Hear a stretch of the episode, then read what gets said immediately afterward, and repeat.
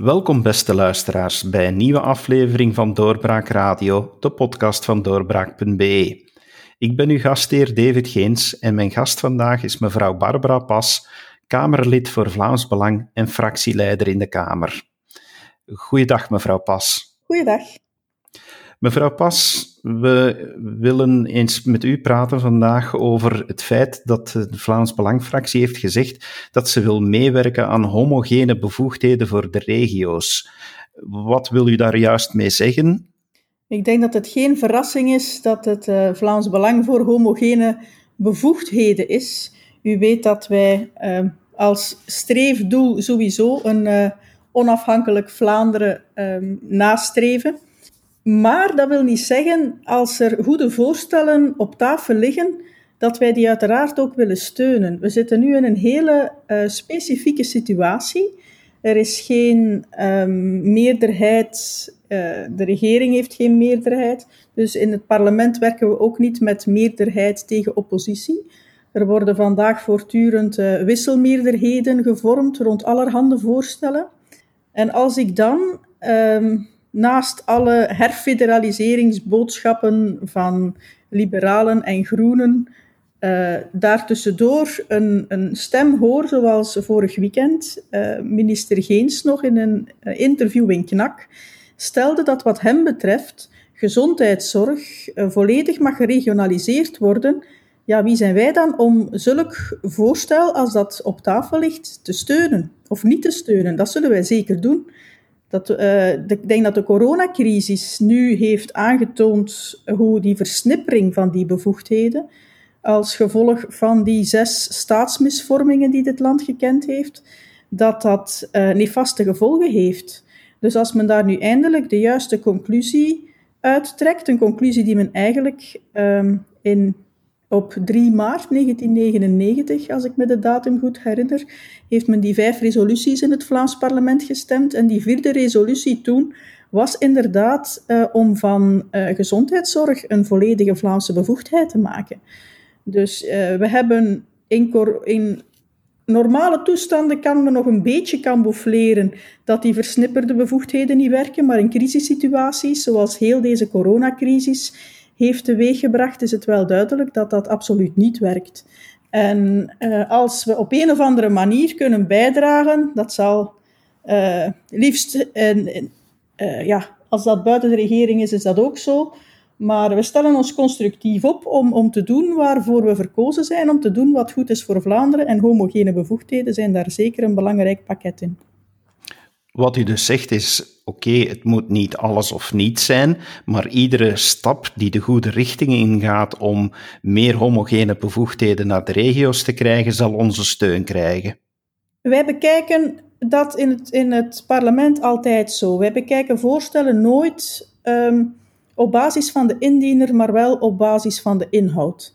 En zoals ik daar juist heb geschetst, zitten wij nu ook uh, heel vaak met een, met een grote fractie op de WIP. Hangt het van onze stemmen af of vaak voorstellen er uh, niet of wel doorkomen. Maar uh, u mag onze steun ook niet verkeerd interpreteren als zouden wij nu plots voorstander zijn van een volgende staatshervorming.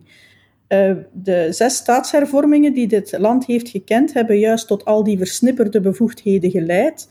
Um, die liepen altijd volgens eenzelfde stramien dat daar uh, vooral een financiële prijs voor moest betaald worden door de Vlamingen voor de bevoegdheden of de stukjes van bevoegdheden die dan in ruil naar de deelstaten gingen. En naast die politieke prijs, eh, naast die financiële prijs, was er ook altijd een, een zware politieke prijs die in, in Brussel en in de rand rond Brussel betaald werd. En dat is een mechanisme waar wij niet in meestappen. Ik geloof dat het Einstein was die zei dat altijd hetzelfde recept gebruiken en denken dat dat tot een ander resultaat zal leiden. Ja, dat is de definitie van waanzin. Dus uh, wij zijn er nog altijd van overtuigd dat, dat staatshervormingen en zulke stap-voor-stap strategieën uh, in een Belgische context niet werken. Maar zoals wij elk voorstel beoordelen, uh, kunnen wij maar proberen om, om de appetijt te, te doen toenemen om met goede voorstellen te komen om richting Vlaamse autonomie te werken. Om alles wat uh, al gedeeltelijk in die deelstaten zit, bijvoorbeeld, om daar de restbevoegdheden zo snel mogelijk over te hevelen, om efficiënter te kunnen werken op Vlaams niveau. Gaan jullie zelf stappen nemen en voorstellen indienen? Wel, wij hebben sowieso al um, verschillende voorstellen ingediend. Uh, denk ik aan, aan een voorstel tot, tot splitsing van de sociale zekerheid. Daar is geen grondwetswijziging voor nodig. Dat kan, uh, dat kan bij gewone bijzondere uh, meerderheid.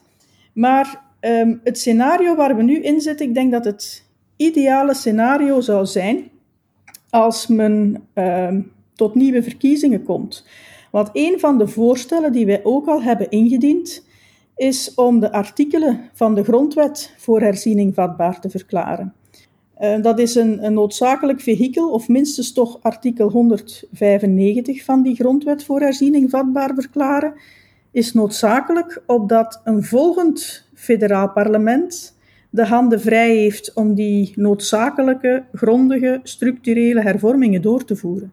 Dat zijn voorstellen die wij nu al hebben ingediend. Als dat zou kunnen behandeld worden en men zou in het najaar uh, nieuwe verkiezingen organiseren, het woord opnieuw aan die kiezer laten over de huidige onmogelijkheid om een federale regering te vormen, dat het de kiezer in, in dat licht de electorale kaarten kan herschudden, dat denk ik dat uh, de derde fase is na uh, grondwet voor herziening vatbaar verklaren en verkiezingen, dat er inderdaad een, een nieuwe federale regering in de stijgers moet gezet worden met uh, een duidelijk uh, doel. Met een, eigenlijk met een, met een dubbel opzet in mijn ogen.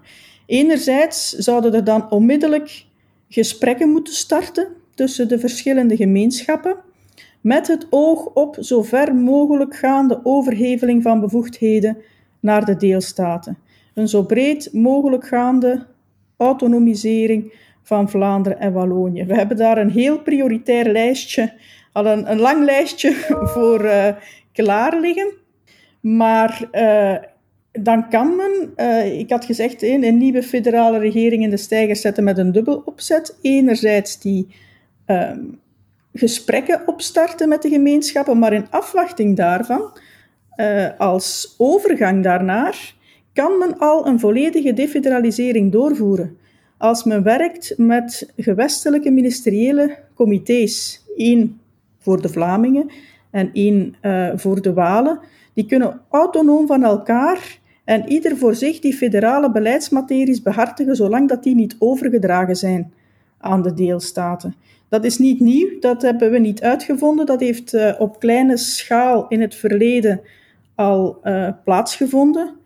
Um, twee voorbeelden die mij nu te binnen schieten. In 1984 voor de opsplitsing van de nationale sectoren, maar ook in 1994 voor de wapenuitvoer heeft men uh, beroep gedaan op gewestelijke ministeriële comité's in afwachting van de overheveling daarvan naar de deelstaten. Dus ik denk dat zulke scenario's uh, perfect mogelijk zijn ja, in afwachting van de voor ons verdere fase natuurlijk om uh, uiteindelijk tot een ordelijke opdeling van dit land te komen. U heeft duidelijk geen schrik van verkiezingen in het najaar, uh, maar u spreekt ook van de opdracht die dat uh, er dan nodig is voor de nieuwe regering. Hoort in die opdracht dan ook geen plek te zijn voor de relance-maatregelen na deze coronacrisis? Absoluut. Ook daar heeft de Vlaams Belangfractie al, al heel wat voorstellen gedaan, die vandaag al kunnen genomen worden. Maar men mag niet in de val trappen waar men uh, met de regering uh, Michel, toen die van start ging, is ingetrapt en de wensen wijsmaken dat men een economische relance kan organiseren. En zoals men het toen verwoordde, een sociaal-economische herstelregering kan, kan opstarten en daarbij het communautaire in de koelkast schuiven. Het ene is onlosmakelijk met het andere verbonden. Je kan pas uh, economisch ook orde op zaken stellen als je daartoe de bevoegdheden in handen hebt. Dus uh, ik denk dat, ik ben ervan overtuigd dat juist die, die um, extra hefbomen overhevelen een uh, noodzaak is om ook die relance zo goed mogelijk aan te pakken. Ik heb daar juist gezegd als, als het, dat het de bedoeling zou moeten zijn als men na verkiezingen aan tafel gaat zitten, dat dat um, over die overheveling van bevoegdheden naar de deelstaten moet gaan. Maar uh, het, het, lijstje dat dan uh, voor ons uh, klaar ligt, zoals het voorstel dat al ingediend is, de volledige splitsing van de sociale zekerheid, ja, zit daar natuurlijk ook bij ehm, de volledige en volwaardige fiscale bevoegdheden voor Vlaanderen, volledige verantwoordelijkheid voor de eigen uitgaven. Dat zijn belangrijke bevoegdheden als men uh, relance maatregelen wil nemen.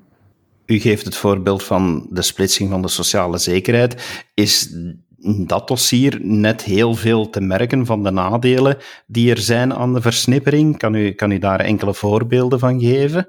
We hebben nu in de coronacrisis gezien hoe, eh, het heeft ook, geloof ik, vorige week nog eh, op de voorpagina van het laatste nieuws gestaan, hoe uh, veel tijdverlies het vergt, dat samenwerkingsfederalisme vergt, als men uh, moet bijeenzitten om uh, crisismaatregelen te nemen. Um, men kan in, norma in, normale omstandigheden, voor zover dat, dat in, in België bestaat, men kan veel verdoezelen van zaken die mank lopen, maar in crisissituaties is dat natuurlijk veel moeilijker. Het feit dat ziekenhuizen onder federale bevoegdheid vallen, terwijl de woonzorgcentra uh, onder Vlaamse bevoegdheid vallen, heeft allemaal voor, voor miscommunicatie, voor onduidelijkheid gezorgd en ervoor gezorgd dat, uh, dat dit land die coronacrisis niet efficiënt heeft kunnen aanpakken. Er zijn natuurlijk ook mensen die daar de conclusie aan verbinden dat homogene bevoegdheden eh, inderdaad beter zijn, maar dat ze dan best terug op het federale niveau komen. Of uh, vindt u dat een totaal verkeerde conclusie? Ja, absoluut. Dat is, uh, dat is, dat is nonsens. Die bevoegdheden en die roep naar bevoegdheden op eigen niveau is er niet voor niets gekomen. Um, terug naar uh, hoe het geweest is. We weten al dat het op Belgisch niveau niet werkt. Dus om daar naar terug te keren, dat lijkt me uh, helemaal te gek om los te lopen. Zorg zit best zo, uh, zeker zoiets als, als gezondheidszorg, zit best zo, zo dicht mogelijk bij de mensen. Um, het zou heel wat, wat problemen die we nu hebben gekend, in die coronacrisis um, kunnen, kunnen vermijden hebben. Het feit dat men uh, federaal te weinig testen voorzag, zorgde ervoor dat men op Vlaams niveau uh, in die woonzorg, woonzorgcentra de, het personeel zelfs nog niet kon testen. Um, het, het, zit allemaal, het zit zo versnipperd, het, zit, het is allemaal met elkaar verbonden en het werkt oh zo inefficiënt. Een extra voordeel trouwens, als men die gezondheidszorg in Vlaamse handen zou hebben, is dat ook die um, discussie over de contingentering van de artsen.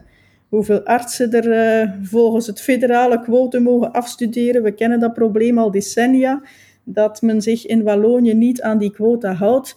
Ja, dat zijn allemaal zaken die dan, problemen die dan eindelijk opgelost zijn.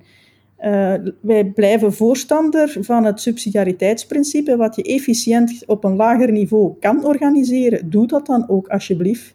En zorg is het best zo dicht mogelijk bij de mensen. En is uw oplossing dan nu om inderdaad een herziening van de grondwet te voorzien? En uh, dan, ja, dan moeten er automatisch uh, verkiezingen komen. Is dat dan de oplossing voor de huidige impasse ook in de federale regeringsvorming? Ik ben ervan overtuigd dat dat een, een, een uitweg voor de, voor de impasse is. Of dat daar de politieke wil toe aanwezig is, dat is een uh, heel andere vraag. Ik denk dat de peilingen die uh, men de laatste weken heeft uh, gehouden, dat die de appetijt bij de andere partijen op nieuwe verkiezingen niet echt doen toenemen. Maar wat is een alternatief? Uh, ik zie niet in hoe men uh, uit deze impasse gaat geraken als men geen nieuwe verkiezingen organiseert. Dan gaat men voortkabbelen zoals men nu bezig is en dan is dat voor Vlaanderen kostbaar tijdverlies. Uh, helaas is daar nog, ja, moet je de politieke wil vinden om, om echte verandering en echte structurele problemen op te lossen. En vandaag merk ik dat, dat, dat de andere partijen Uh, zeker aan Franstalige zijde. We zitten met een, met een MR die een goede 7% van de kiezers in dit land vertegenwoordigt, maar wel 50% van alle ministeriële kabinetten bezet. Ja, voor hen is een status quo en vooral geen verkiezingen en blijven aanmodderen uh, op, als je op korte termijn denkt, het beste dat erin zit. En die klampen zich vast aan de, aan de huidige situatie, zodat ze boven hun gewicht kunnen blijven spelen, zodat de Franstaligen de politieke agenda in België kunnen blijven bepalen. Maar dan houdt men geen rekening met de toch wel duidelijke verkiezingsuitslag van een jaar geleden. Zullen jullie in juni, mocht het toch nog gevraagd worden, eh, als uitweg de volmachten mee verlengen? Eh, zeker en vast niet. Uh, we hebben sowieso al het vertrouwen uh, aan deze regering Wilmes niet gegeven.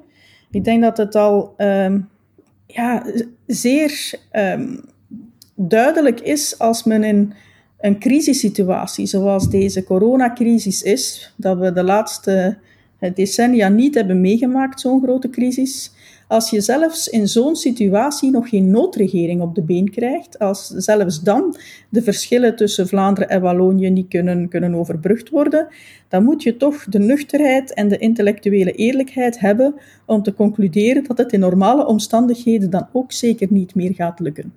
Um, verder kabbelen heeft, heeft geen enkele zin. Dat is goed voor degenen die op, op, op korte termijn denken en, en die ja, zeker aan Franstalige zijde, om nog eens terug te komen op die sociale zekerheid, het eh, zo, lang mogelijk uh, de transfers in stand willen houden en, en de, de melkkoe ledigen, er nog uithalen wat er nog uit te halen valt.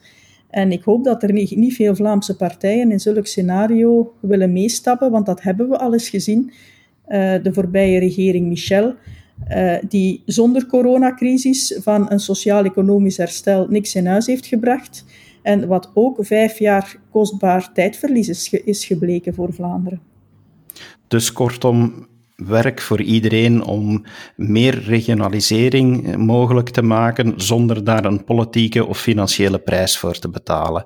Dat is wat jullie nu toe oproepen. Ja, en om, vooral om die, die fiscale bevoegdheden Ehm, mee over te hevelen, om, om de uitgaven, de verantwoordelijkheidszin mee over te hevelen. Um, nu we toch um, over de gezondheidszorg bezig zijn, je merkt dat er heel veel verschillen zijn in, in de mentaliteit tussen, tussen Vlaanderen en Wallonië. de, het aantal artsen nog maar, het aantal artsen per 100.000 inwoners ligt in, in Wallonië bijna dubbel zo hoog dan, dan in Vlaanderen.